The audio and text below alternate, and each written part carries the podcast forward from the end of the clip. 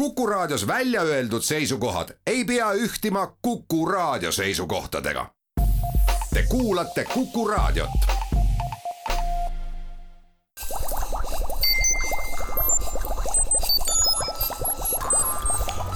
kukkuv õun head Kuku kuulajad, Kuku Õun eetris. kui te arvate, et meie maraton teemal tehisintellekt läbi on saanud, siis eksite. Täna olen mina saatejuht Marek Stenberg külla kutsunud Tallinna Tehnikaülikooli kõnetehnoloogia kaasprofessori Tanel Alumäe, kellega kõneleme jätkuvalt edasi sellest, mida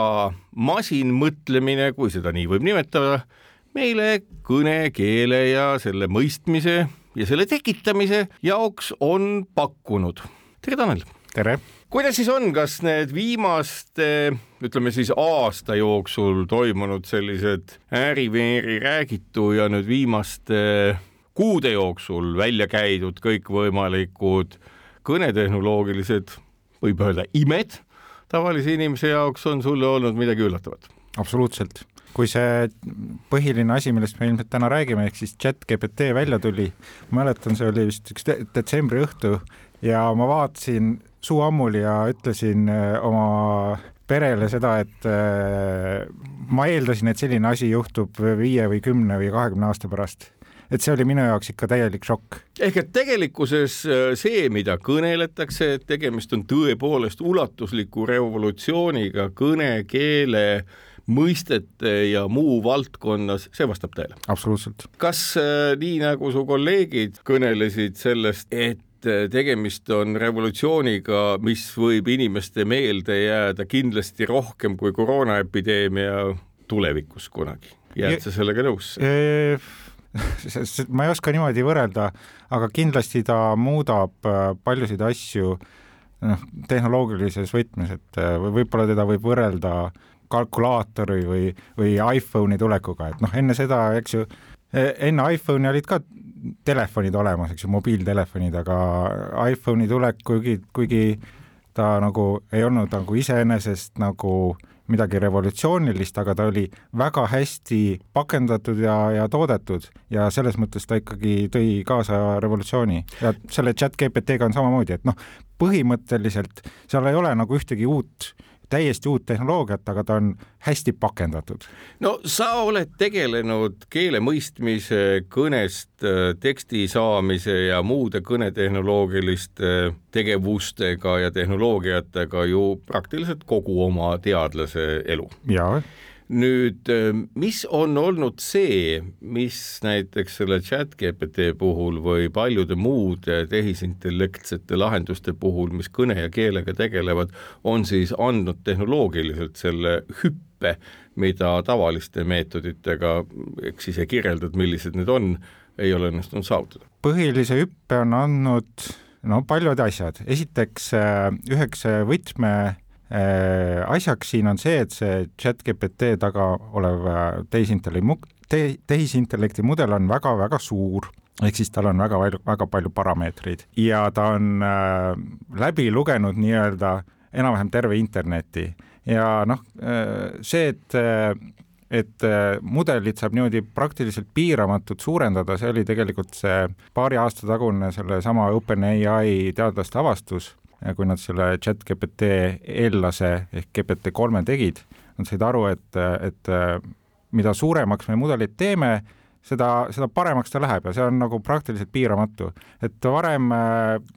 paljud, noh, enamus teadlasi arvas, et, et noh, tead, teatud piirist alates seda mudelit ei ole mõtet, mõtet suuremaks teha, et kui, kui ta on liiga suur, siis seda on nagu väga lihtne üle treenida, ehk siis ta, ta nagu ei suuda enam nagu abstraheerida, vaid, vaid jätab lihtsalt asjad meelde. teine asi on see, et äh, osutus, et see väga lihtne äh, mudeli treenimine ehk siis, äh, ehk siis see chat-GPT baasmudel ehk GPT-3 on siis treenitud niimoodi, et ta, talle on antud ette põhimõtteliselt terve internet ja ta on, ta on treenitud tegema ühte asja, ehk siis ennustama internetis tekstis järgmist sõna. see on ainus asi, mida, mida ta äh, peab hästi tegema. ja, ja, ja see on kogu nii-öelda õpetamisalgoritmi sisu ehk et ütle, milline on järgmine sõna, aga vaat sa tead kogu seda ümber olevat sfääri või kihtide hulka, mis seal on sõnu ja mõisteid. jah, seda chat GPT mudelit on ka natuke peenhäälestatud tegema nagu äh, pidama dialoogi ja vältima toksilisust ja nii edasi aga, aga see põhiline teadmine, et miks ta nii hea on, tuleneb sellest eeltreeningust, mis on äh, see järgmise sõna ennustamine. Ja huvitav ongi see siis, et, et selleks, et seda järgmise sõna ennustamist hästi teha, selgub, et mudel peab tegelikult äh, ära õppima väga palju asju tervest maailmast, keelest, erinevatest keeltest, programmeerimiskeeltest ja, ja osutub, et see, kui ta sellise teadmise osutub, siis see on äh, väga hästi üleviidav sellisesse konteksti, kus me, kus me masinaga seda dialoogi peame pidama. nii palju, kui ma olen aru saanud ja teada saanud, on tõepoolest väga mitmed ettevõtted, mis arvutitarkvara arendamisega tegelevad, kasutanudki sellist tehisintellekti selle jaoks, et väiksemaid koodijuppe saada. ehk et äh, ma saan aru, et keele universaalsus laiemas mõttes, noh, meie jaoks täna tänu sellele chat GPT õppimisprotseduuridele ja nii edasi, tähendab seda, et vahet ei ole, kas see on inimkeel või programmeerimiskeel, äh, need on üks, üsna üks ja sama asi või? jaa, äh, ta oskab üllatavalt hästi seda programmeerimiskoodi genereerida, muidugi mitte alati õigesti, selles mõttes selles peitub ka see üks tema põhilisi ohtusid, et ta teeb siiski, siiski tihti selliseid väga raskelt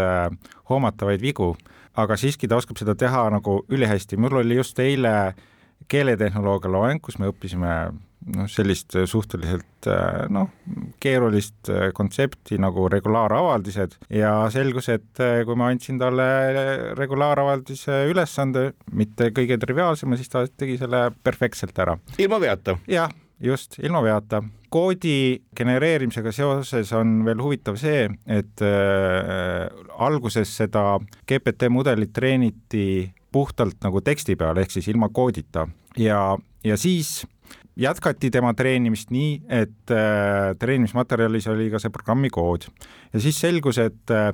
et see muut-, mudel muutus selle äh, tagajärjel palju paremaks, ehk siis ta oskas, tal, talle tekkis võime teha paljusid selliseid ülesandeid, mille eelduseks, eelduseks on äh, mitmesammuline selline ülesande lahendamine, ehk siis sa pead, noh, mitte et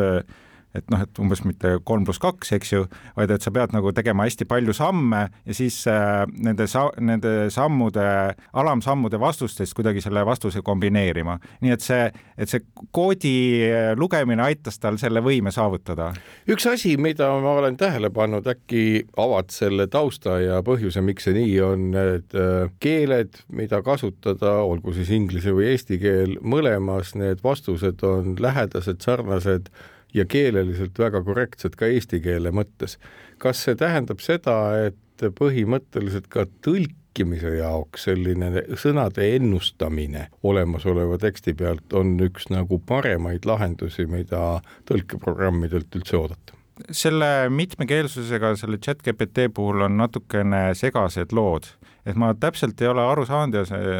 seda ei ole ka selle OpenAI, OpenAI poolt publitseeritud, et kuidas see mitmekeelsus seal täpselt toimib, et kas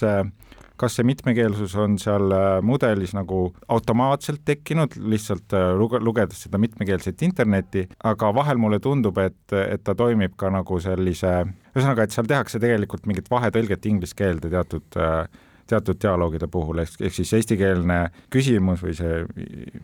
inimese prompt tõlgitakse inglise keelde, mudel genereerib vastuse inglise keeles ja, ja vastus gene-, tõlgitakse eesti keelde tagasi. et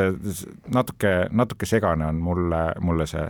toimimine. aga seal on aina vähem, noh, kui ma lihtsalt meenutan neid äh, Google'i tõlk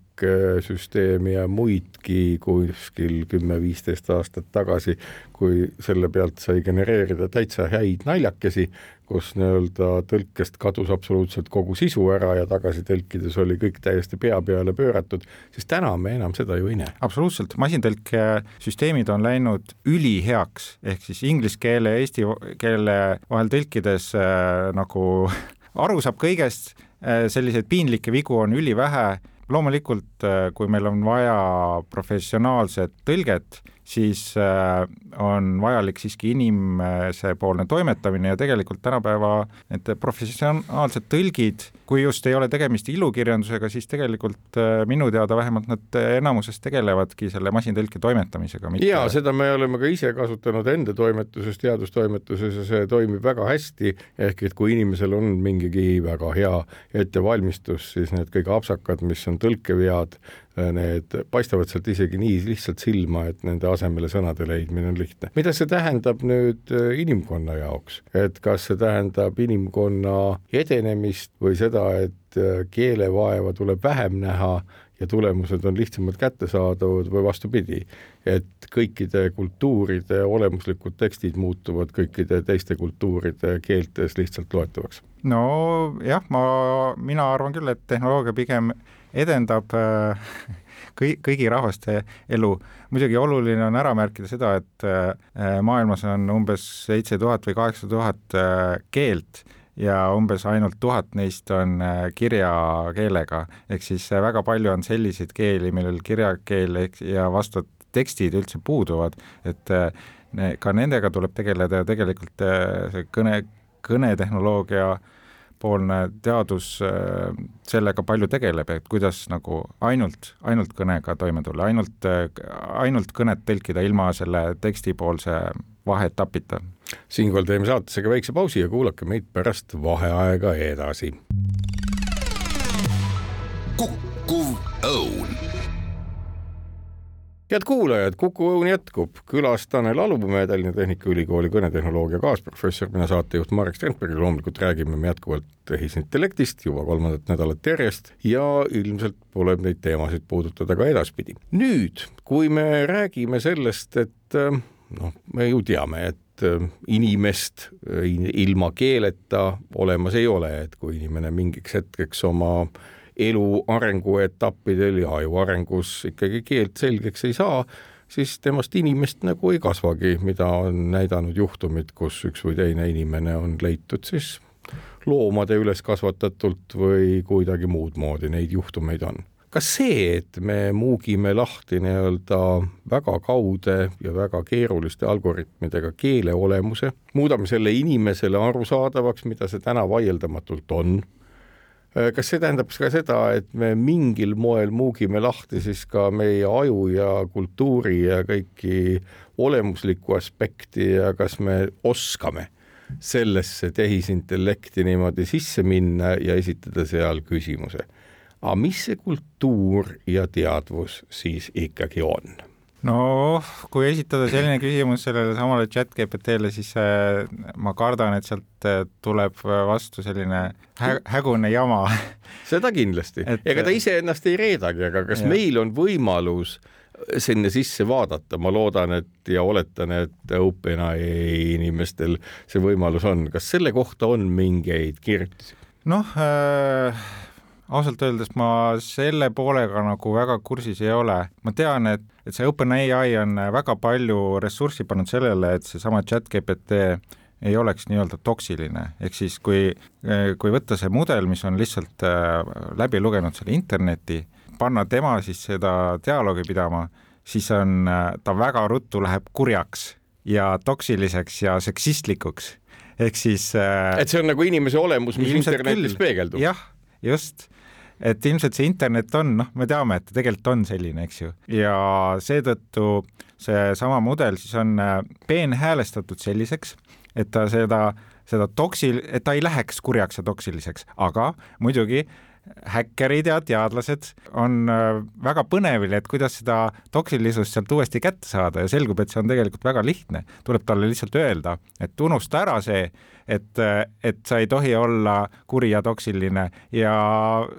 tunne ennast vabalt. ja kui see, see, see prompt nagu õigesti sõnastada, siis juhtubki nii, et ta unustab selle ära, et ta ei tohi kuri olla ja hakkab igasugust sellist mitte mitte väga meeldivat teksti teinekord genereerima. kas võib öelda, et äh, selle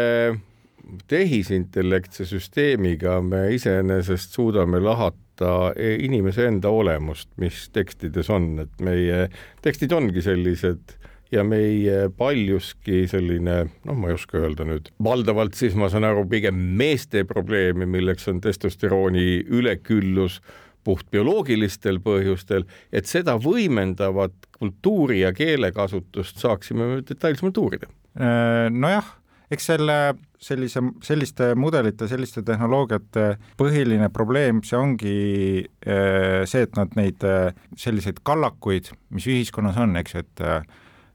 mehed teevad meeste töid ja naised teevad naiste töid ja kasvatavad lapsi ja teevad süüa, et nad selliseid, selliseid asju kipuvad võimendama ehk siis kui me paneksime sellise mudeli näiteks mingisse otsimootorisse, siis äh, on oht, et, et äh, selle tagajärjel need äh, sellised kallakud ühiskonnas veel rohkem võimend-, võimenduvad, sest noh, inimesed nagu et nad põhimõtteliselt nad regenereerivad iseennast, need äh, kallakud. Microsoft on teada andnud, et nad on seda juba teinud või tegemas just nimelt nende enda otsingumootoriga Bing, millega siis chat GPT-d paaritatakse. ja just, ja Google teatas ka paar päeva tagasi, et äh, neil tuleb ka sarnane asi kohe välja ja Microsofti äh, toode vist on juba mõnes kohas laivis Google'iga läks muidugi natukene kehvasti siin äh, eelmise nädala uudised, kus äh, Google'i nii-öelda kõnerobot äh, rääkis ühe valejutu selle kohta, mida James Webbi teleskoop näinud on või ei ole näinud ja jäi sellega astronoomidele vahele mis läks maksma neile seitse protsenti aktsiast ehk umbes sada miljardit eurot. et kuidas nagu nende asjadega on, et mismoodi kogu selle chat GPT ja muude kõnerobotite käest küsituga on, et kas küsija peab olema suuteline, andes seda vastust edasi, alati ka näitama, millised on allikad ja kas need on tõeväärtuslikud. ja see, selle praeguse chat GPT ja selliste sarnaste, tema sarnaste sel-, nende selliste generatiivsete mudelite põhiprobleem ongi see, et nad äh, kipuvad äh, genereerima valefakte ja seda ülimalt enesekindlalt. Loomulikult, kuna keelekasutus on nii hea, siis see mulje on ju vapustav, mõtelda vaid, ma saan masina käest nii korrektse vastuse, ju see peab tõsi olema. jah, just ja see on tegelikult seotud sellega, et millised need mudelid on, eks ju, et kui me, kui me kujutame nüüd ette, et kuidas teadmisi äh, sellises äh, tavalises äh, programmis või infosüsteemis talletatakse, siis tavaliselt on seal mingid faktid, mingid tabelid, eks ju, et on väga täpsed faktid, eks ju, et Ameerika president sellest, sellest kuupäevast selleni oli George Bush ja peale seda tuli Barack Obama või mis iganes ja noh, üks, ükskõik mis, mis, eks ju. aga selles äh, generatiivses äh, närvivõrgu mudelis need teadmised on talletatud pigem nagu inimajus, ehk siis äh, selliselt hägusalt. eks seal ei ole nagu ühtegi, ühtegi sellist neuronit või sellist, ühtegi sellist rida, kus me saaksime öelda, et just see siin on see üksikteadmine talletatud ja kui me seda bitti või baiti muudame, siis me muudame selle teadmise ära, eks ju. et, et, et see, seda ei saa niimoodi teha, et ta pigem on niimoodi hägusalt äh, talletatud ja noh, kui me inimesed in,, inimeselt küsime mingit küsimust, eks ju, fakt, fakti kohta, siis äh, üldjuhul äh, tark inimene annab õige vastuse, aga tihti ta ka eksib ja mõnikord eksib ka suhteliselt lihtsate asjadega ja ta võib ka selle eksimise juures olla väga enesekindel, et selles mõttes ja paljud võivad äh, seda eksitult, eksitult esitatud fakti ka väga tõe pähe võtta just täpselt selle tõttu, et esitlus on enesekindel. jaa, absoluutselt, just. nii et, äh, et see, see on põhiprobleem, aga, aga loomulikult äh, selle probleemiga väga palju tegeletakse, ehk siis viimaste aastate jooksul seda generatiivset mudelit on äh, üritatud väga palju nii-öelda paaritada sellise äh, teistsuguse mootoriga, ehk siis kui me, millel oleks võime lisaks sellele, et ta tugineb oma nendele, selle õpitud infole, et ta suudaks ka internetti lugeda. näiteks see, et tal oleks võime teha põhimõtteliselt, kui inimene küsib midagi, et tal oleks võimalik teha Google'i otsing nii-öelda ja siis nendest tulemustest see äh, vastus genereerida, sünteesida, võib-olla ka hinnates siis nende äh, allikate tõepärasuse tõenäosust. ehk et sellisel kõnerobotil on möödapääsmatu olla ka iseenese faktikontroll ja mõnes mõttes tsensor, et kui on ikkagi noh, nii-öelda kindel asitõend selle kohta, et A võrdub kolm koma kolm, siis juhul, kui tema enda jutust tuleb välja midagi muud, siis tal on põhjust oma juttu korrigeerida. no põhimõtteliselt küll, jah. ja see on võimalik no ütleme niimoodi, et siin nagu selle chat GPT puhul on näha, siis kui see oleks lihtne, siis see oleks sinna pandud, aga ma usun, et minu teada Google on öeldud, öelnud, et tema juturobotisse see võimekus tuleb. Nii et eks me vaatame, mis, mis saama hakkab, kindlasti siin äh, lähikuude või äh, lähiaastate jooksul tulevad nagu veel rohkem äh, suuremad läbimurded. siinkohal teeme saates väikse pausi ja kuulake meid pärast vaheaega edasi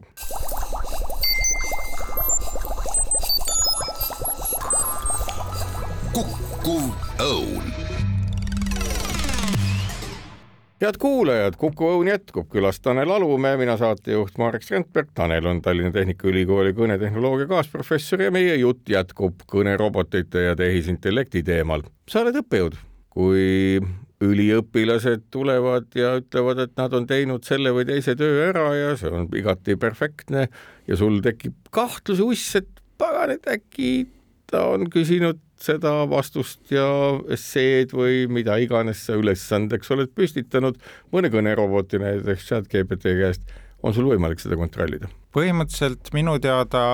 viimase kuu jooksul on tulnud äh, teadusartiklite tulv äh, sellest, et äh, kuidas detekteerida sellise juturoboti poolt genereeritud teksti väga suure tõenäosusega ja on ka vastu sellele vastuseks tulnud teised artiklid, mis äh, käsitlevad seda, et kuidas modifitseerida juturoboti poolt genereeritud teksti, et ta ei oleks detekteeritav selle detekteerija poolt, et nii, ma küsin nüüd, ma arvan, et äh, ei ole sa kindlasti jätnud tegemata seda katset, et küsinud seda, mida sa oled küsinud üliõpilaste käest, olgu need eksami küsimused või mis iganes, näiteks chat GPT käest. ja loomulikult ei ole. Ja minul on äh, ülikoolis aine keele ja kõnetehnoloogia. Ja ma võtsin eelmise aasta eksami küsimused kirjalikud, mis on noh, käsitlevad põhimõtteliselt äh, aines õpitud sellisest äh, teoreet-, teoreetilis-praktilised, praktilisest poolest ja põhimõtteliselt kõikidele küsimustele, mis olid talle sisse söödetavad, selles mõttes, et mis on, mis on tekstilised, seal olid ka mõned sellised visuaalsed, aga teksti, tekstilise küsi-, tekstilistele küsimustele ta andis perfektse vastuse ja ma oleksin andnud talle parima hinde, kirjutanud tubli ja kirjutanud talle soovituse astuda doktorantuuri põhimõtteliselt. Aga mis selles halba on, kui on olemas masin, mis tegelikult toob välja kõikvõimalikud mõisted, eh, mida siis nagu üliõpilasele ette heita, kui ta oskab kasutada õigeid küsimusi esitades tehnoloogilist vahendit, mis on inimkonna poolt loetud ja to loodud ja toodetud ja mis annab õigeid vastuseid mida peab sellises kontekstis toimiv inimene ise siis veel oskama, et äh, meie tulemuseks ei oleks näiteks juhul, kui me ei tea, kui täpselt chat GPT või muu kõnerobot midagi teeb ja me oletame, et ta võib teha mõne vea, kuidas õpetada näiteks sellises kontekstis üliõpilasi vigu kontrollima? Äh, jah, et ega tegelikult ma ette ei heidagi, ei heidaks seda üliõpilastele, kui nad seda kasutavad, sest äh, ausalt öeldes mina kirjutasin äh, nädal aega tagasi ühe teadusartikli ja ma kasutasin selle kirjutamisel chat-GPT abi, mitte nüüd puhtalt teksti genereerimiseks, aga pigem selleks, et oma kirjutatud selliseid vildakaid lauseid natuke ilusamaks teha. ja läksid? absoluutselt, muidugi. see, seda ta teeb ülihästi. nii et tudengid, tudengilt ei saa ka eeldada seda, et ühesõnaga, mina oma õppetöös üritan tudengitele õpetada praktilisi oskuseid ja kui neil on praktiline oskus kasutada chat GPT laadset juturobotit selleks, et oma sellist sellel vastaval, vastaval erialal nagu ilusat koherentset teksti genereerida, siis ma arvan, et see on kasulik oskus loomulikult äh, see tähendab seda, et natuke peab äh, esiteks üliõp-, üliõpilane peab aru saama sellest, et, äh, et ta üli, ei ole ülikoolis selleks, et äh, lahendada neid probleeme ehk neid ülesandeid, mis me talle anname, sest üliõpilane peab aru saama sellest, et tegelikult professor, tal on lahendus olemas nendele probleemidele, eks ju, nendele ülesannetele, mis mis ta annab. üliõpilane on ülikoolis selleks, et õppida ja kui ta kirjutab need äh, vastused ülesand-, äh, ülesandele puhtalt chat GPT-ga, siis on küsimus, et kas ta õppis selle, selle juures. et äh, üli, üliõpilane peab aru saama sellest, et ta peab õppima ja selleks võib olla otstarbekas teatud olukordades seda vastust genereerida ilma arvuti abiga, abita teiseks ilmselt peab ülikoolis ja mitte ainult ülikoolis ka, vaid ka noh, keskkoolis muutuma natuke ülesannete sisu ja hindamise sisu, ehk siis ilmselt selliste äh, esseelaadsete äh, ülesannete osakaal väheneb, sest lihtsalt neile on ikkagi ülilihtne vastuseid genereerida, ilma et sa nagu väga süveneksid sisusse, et tuleb välja mõelda rohkem selliseid küsimusi, kus, mis on sellised natuke krüptilised, kus peab Äh, sügavuti minema, et üldse aru saada võib-olla, mida küsiti. ennem saate algust me arutasime omavahel kuulajatele ka teadmiseks, et äh, peaks püüdma äh, teha mälumängu, kus küsimused ei ole mitte niivõrd fakti, kuivõrd kummaliste seoste põhised ja vaatame, kas selline chat GPT õnnestub nende asjade tegemisel paremini või mitte. noh, selline võimalus on meil siin Kukus olemas, mälumängu formaat on olemas, nii et jälgige, tõenäoliselt me ikkagi lähiajal sellise krüptilistele küsimustele vastamise katse teeme ära õnnestub meil see? absoluutselt, või proovime. proovime igal juhul, nii et nagu see lubadus on õhku heidetud ja, ja jälgige siis seda, millal Tarkade klubis on vastakuti ma ei tea siis, kas äh, kaks erineval moel defineeritud chat GPT-d, kuna ega nad vist samasuguseid vastuseid kunagi ei anna, mis on kogemus, või inimmeeskond versus siis robotid, kellel on kogu internet kättesaadav, aga kui küsimus on piisavalt krüptiline, siis võib-olla muugib selle lahti ainult inimene. ja me võime seda chat GPT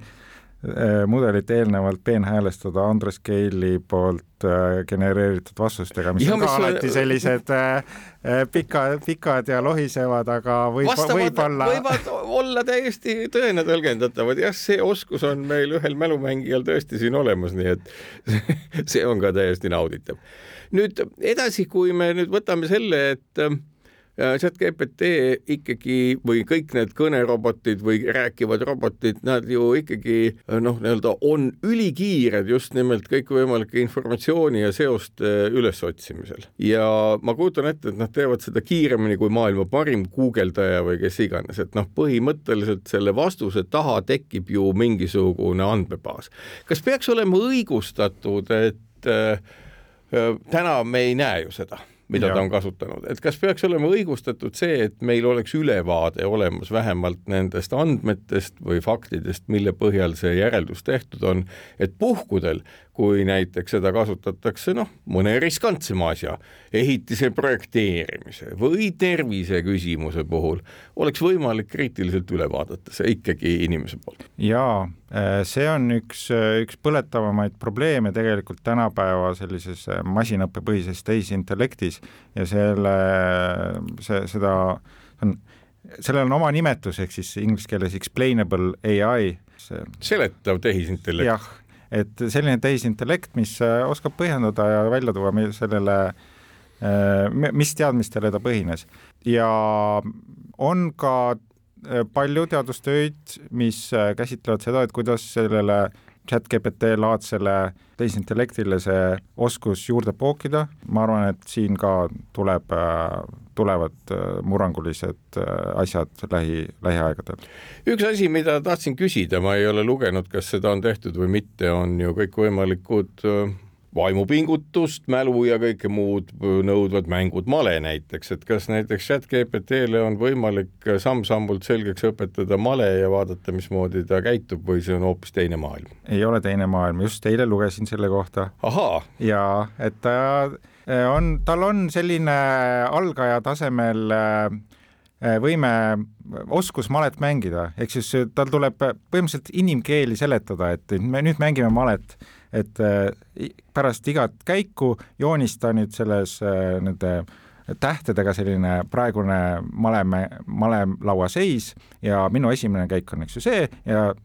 mis on sinu järgmine käik ja siis ta hakkab mängima, ütleme niimoodi, et ta ei mängi väga hästi, aga ma arvan, et võib-olla paremini kui mina. ma mõtlen selle peale, et mismoodi see süsteem nagu eksisteerib, et täna inimesed vaatavad, oh, vaat mis masin, esitame küsimuse, saame vastused, need vastused ju peegeldatakse võrku tagasi. kogu see süsteem ju paisub, mida rohkem küsitakse, seda rohkem vastuseid ilmub sinna võrku, seda rohkem nii-öelda omandab ka mõnes mõttes ju seesama kõnerobot aimu inimese suundumuste riugaste ja muu kohta või see ei ole nii? eks see on selline kahe otsaga asi, et äh, kõige parem äh, teadmine või kõige kasulikum sellise juturoboti jaoks on see, kui inimene ütleks, äh, et kas see vastus, mis ta genereeris, oli hea või halb ja tegelikult nii, täpselt nii seda chat GPT-d ongi peenhäälestatud seda dialoogi pidama. täna ta ju ei küsi minu käest ei, seda. ei küsi või noh, tegelikult sa võid seal anda vist, et äh, kas vajutada, kas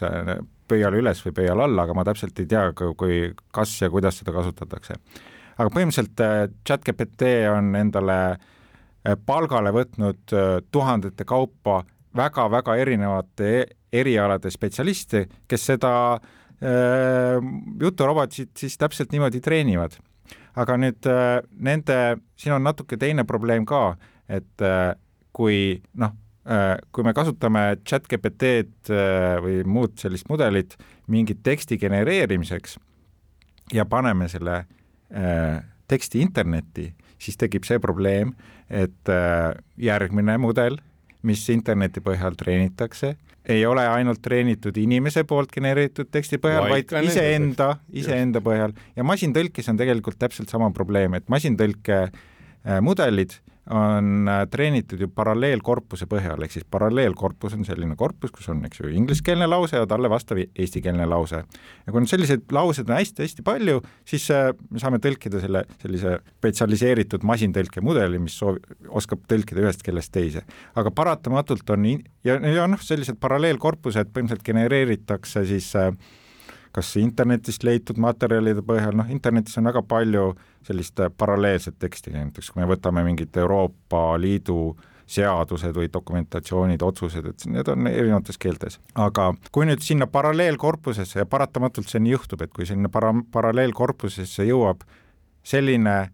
tekst, mis on tõlgitud mingi eelmise põlvkonna masintõlkesüsteemi poolt, siis äh, tekib see probleem, et, et see treenitav mudel ei saa sellest enam paremaks minna, eks ju, et, et tal te tekib teatav selline konflikt. jah, ja või noh, selline teatav lävi, millest enam paremaks ei saa minna, et ta on piiratud oma selle eelkäija klassikalises mõttes negatiivne tagasiside, kus äh, muutused äh, taandatakse välja ja kiputakse sir-, sikutama sinnapoole, kus oli siis see viga. jah, just. siinkohal teeme aga saatesse pausi ja kuulake meid pärast vaheaega kukkuv õun.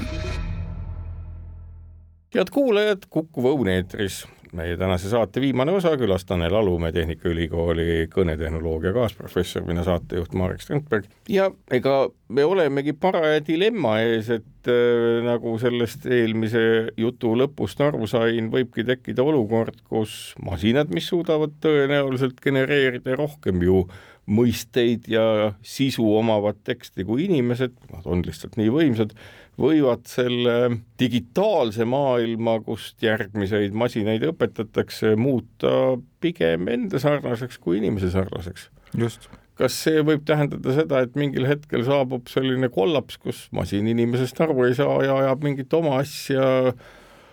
töödeldes ümber iseenda loodud, vahel ka täiesti valeinformatsiooni ja ühtäkki avastab inimene, et ta on kõrvuti kaadervärgiga, millest ei saa tema aru ja kaadervärgiga, mis ei saa temast aru. nojah, põhimõtteliselt selline oht muidugi tekib, muidugi te tegeletakse ka väga palju sellega, et kuidas sellist probleemi vältida, üheks äh, selleks on see, et sa lihtsalt kasutada seda detekteerimist, et, et detekteerida sellist äh, teksti, mis on masina poolt äh, kirjutatud. kas ohu ohutunde nii-öelda tekitamiseks või ohutunde arvesse võtmiseks peaks nagu kultuurselt olemagi nagu lihtne ja aus asi, et kui sa oled aus, siis lähevad asjad hästi, et väike lipukene juurde, et see on masina tehtud või selle algus on masina tehtud, et hiljem saaks seda nagu elimineerida no,. jah, ma ei oska öelda, ma ei usu, et selline asi võimalik oleks, sest tihti selline noh, seesama, eks ju, et ma kirjutasin teadusartiklit, ega ma seda tervet teadusartiklit ei kirjutanud selle äh, mudeliga, ma võib-olla muutsin paari lause, paari lause, paari osa et noh, ja võib, ilmselt teevad seda väga paljud teadlased, et siin selliseid lipukesi panna on nagu keeruline ja noh, mõnes mõttes see mudel on selline väga-väga palju edasi arenenud kalkulaator, eks ju, et kui sa, kui sa paned mingit äh... et ma arvutasin selle tulemuse välja just nimelt selle taskuarvutiga, et just... või just selle Exceli tabeliga, et, et pange tähele. jah, see on üsna tabav tähelepanek, et miks peaks abivahendit eraldi märkima, kui see abivahend hästi töötab. jah, ja teine asi, kuidas seda probleemi vältida, on see, et tuleb äh, masinat õpetada veel rohkemate ja teistsuguste andmetega. nüüd selle äh, GPT kolme ja need selliste mudelite juures on palju räägitud, et võib-olla isegi see internet nii-öelda hakkab nagu väikseks jääma, et neid andmeid on äh, on juba, et võiks rohkem olla, et seda suurt mudelit õpetada. Ja äh, üheks variandiks äh, on see, et võtta abiks kõneandmed eks ju, praegu meil see, need mudelid on treenitud äh, ainult, ainult tekstiga, aga tegelikult meil on ju ka terve Youtube on täis, eks ju, kõnet, igasugused raadioarhiivid, muud sellised, kui me, kui kasutada selliseid multimodaalseid andmeid, siis me võime äh, saada veel paremad tulemused ja ma olen absoluutselt kindel, et nende suurte tarkvarafirmade laborites midagi juba sellist podiseb. Ja ma arvan, ma usun, et, et see, sellist sellistest ideedest sünnib veel midagi palju, palju suuremat, kui praegu on. kui me lisame sinna veel ka visuaalse poole, nii dokumenteeritud filmid kui, või dokumentaalsed kui väljamõeldud filmid, et mis see tähendabki, et siis me tegelikult äh, liigume selle no nii-öelda metaversumi poole täiesti niimoodi, et meil ongi nii-öelda aatomite ja molekulide ja materjalide ja majade ja autode muu asemel lihtsalt terve hulk bitte, mis nagu Matrixi ulmefilmis, mis kunagi üheksakümnendatel valmis tehti, tekitavadki meile mulje täiesti teisest maailmast, kus kõik asjad on kuidagi omavahel seotud. noh, jah, ma ei tea, kui palju see sellesse metaversumisse, kuidas see sellega seostub, ma selles suhtes väga, või noh, olen pisut skeptiline et ma usun, et siiski inimene tahab inimesega ka suhelda, aga aga kui vaadata seda, millise hooga on tänasel hetkel on tekkinud ju selle chat GPT järel suisa järjekord, et iga, iga, igaüks, kes tahab oraakli endaga vestelda, ei saagi seda teha ja pannakse järjekorda. et tegelikult inimeste pürgimine inimeselaadsete või intellektuaalsete isegi tehissüsteemide poole on ju meeletu. jaa, seda küll, jah ja, ja seda tungi, noh, ma arvan, et üks äh, tõsine asi on see, et lisaks nagu kõigele muule mängulisele, inimese tung teise intellektuaalse olendi poole, isegi kui see on väljamõeldis ja me saame aru, et ta on tegelikult noh, natukene keerulisem masin kui kohvimasin, mis ütleb, et võta nüüd mu kõhust ära see kohvipaks ja vala see prügikasti ja me teenindame ka seda masinat, et valmidus sellist masinat nii-öelda kõnetada ja suhtestada, see on meeletu. jah, jah, seda küll kas see ongi see koht, kus äh, paljud näiteks Jaan Tallinn on öelnud, et vat, vat, vat, et veel natukene vist mingid itaallased ütlesid, et tõlkeprogrammide arengu tõttu ennustame me, et umbes aastal kaks tuhat kolmkümmend saabub see singulaarsus, kus masinad ületavad inimest. kas see on midagi sellest, et see singulaarsus ei saabu noh, mingi meeletu piitsa ja valuga ja kontrolliga, vaid just nimelt sellega, et see on niivõrd meeldiv? jaa, tegelikult selle singulaarsusega, selle tehisintellekti singulaarsusega on selline huvitav asi, et nagu enne selle, nende suurte keelemudelite tulekut ma olin veendunud, et see singulaarsuse kartjate jutt on on suhteliselt mõttetu, et, et oht, et me kogemata teeme mingi üliintelligentse mudeli, mis, mis nagu nii-öelda pooleldi plahvatab, on umbes sama suur, kui et äh, Legoga mängib poisike teeks ko kogemata valmis äh, tuumareaktori aga eelmise aasta detsembrist? mu jah, mu ütleme niimoodi, et see eelarvamus natuke muutus aga selle olemus võib olla meie jaoks ilmselt üllatav, ma just mõtlengi seda, et see ei pea olema mingi piin või vaev, vaid vastupidi, et et see ongi niivõrd meeldiv. jah et kas see singulaarsus ei ole siis mitte noh, kuidas ma ütlen, et see ei ole pigem mitte ohtlik, vaid kas seda võib käsitleda kui lihtsalt evolutsiooni järgmist etappi? jaa, võib-olla tõesti, jah. ehk et me näeme seda, kuidas inimese evolutsioon toimub meie endi silme all, noh, me oleme näinud ka paljusid bioloogilisi objekte evolutsioneerumas meie endi silme all, kus ma ei tea, seened mingite põõsastaimede juurtes geene kombineerivad ja tekib täiesti uus isend, et midagi samasugust võib juhtuda inimesega noh, jah, eks me näe. kas äh, selles mõttes me võime öelda, et näiteks Gutenbergi trükitehnoloogia on osa inimese evolutsioonist, mis on pannud nagu ka internet või nagu ka iPhone? jaa, loomulikult, selles ei ole kahtlustki. mida see tähendab tegelikult kooli, ülikoolide ja muude jaoks, mida tuleks õpetada hmm.? no ütleme niimoodi, et äh, tuleks õpetada neid asju, mida masin ei oska. et tegelikult selle äh, tehisintellektiga ongi tekkinud selline asi, et noh, palju on räägitud sellest, et kas tehisintellekt võtab töid ära äh, inimestelt ja noh, mingil määral võtabki äh,. eks ju, kui, kui meil need äh, kümme aastat tagasi tekkisid need väga head mudelid, mis äh, noh, pildituvastusmudelid, mis äh, suutsid äh, tuvastada, kas pildil on, eks ju, kass, jänes või maja või auto, siis öeldi, et et äh, see, nende masinõppemudelitega me suudame automatiseerida selliseid asju, mida inimene teeb umbes poole sekundiga. et nüüd võib öelda, et et see chat GPT on läinud natuke kaugemale, et ta, tema suudab teha võib-olla selliseid asju tekstiga, mille peale inimesel kulub noh, ma ei tea, veerand tundi, ütleme niimoodi. mis on juba väga suur edasiminek, eks ju. või ka päevi vahel ja,. jah, jah, aga, aga võib-olla ta, küsimus on selles, et kas ta suudab nagu ka sünteseeri-, sünteesida nagu täiesti uusi teadmisi, noh, praegu ilmselt mitte, näiteks kas ta, ilmselt ta ei suuda näiteks äh, valmis teha täiesti uue programmeerimiskeele või või, või mingi, mingit sellist asja, mis on, mis nõuab nagu väga sügavat planeerimist, mõtlemist äh, ja sellist asja, aga aga ma ei välista enam, et, et ta, et see tulevikus võib muutuda. aitäh, Tanel Alumäe tulemast Kuku Õuna saatesse rääkima lahti aspekte, mis ka, ma saan aru, sulle olid üllatavad, kuni esimene kõnerobot tekkis ja tema omadused välja hakkasid tulema. sellega on Kuku Õuna saade ka läbi. kuulake meid jälle täpselt nädala pärast ja seniks kaunist päeva teile!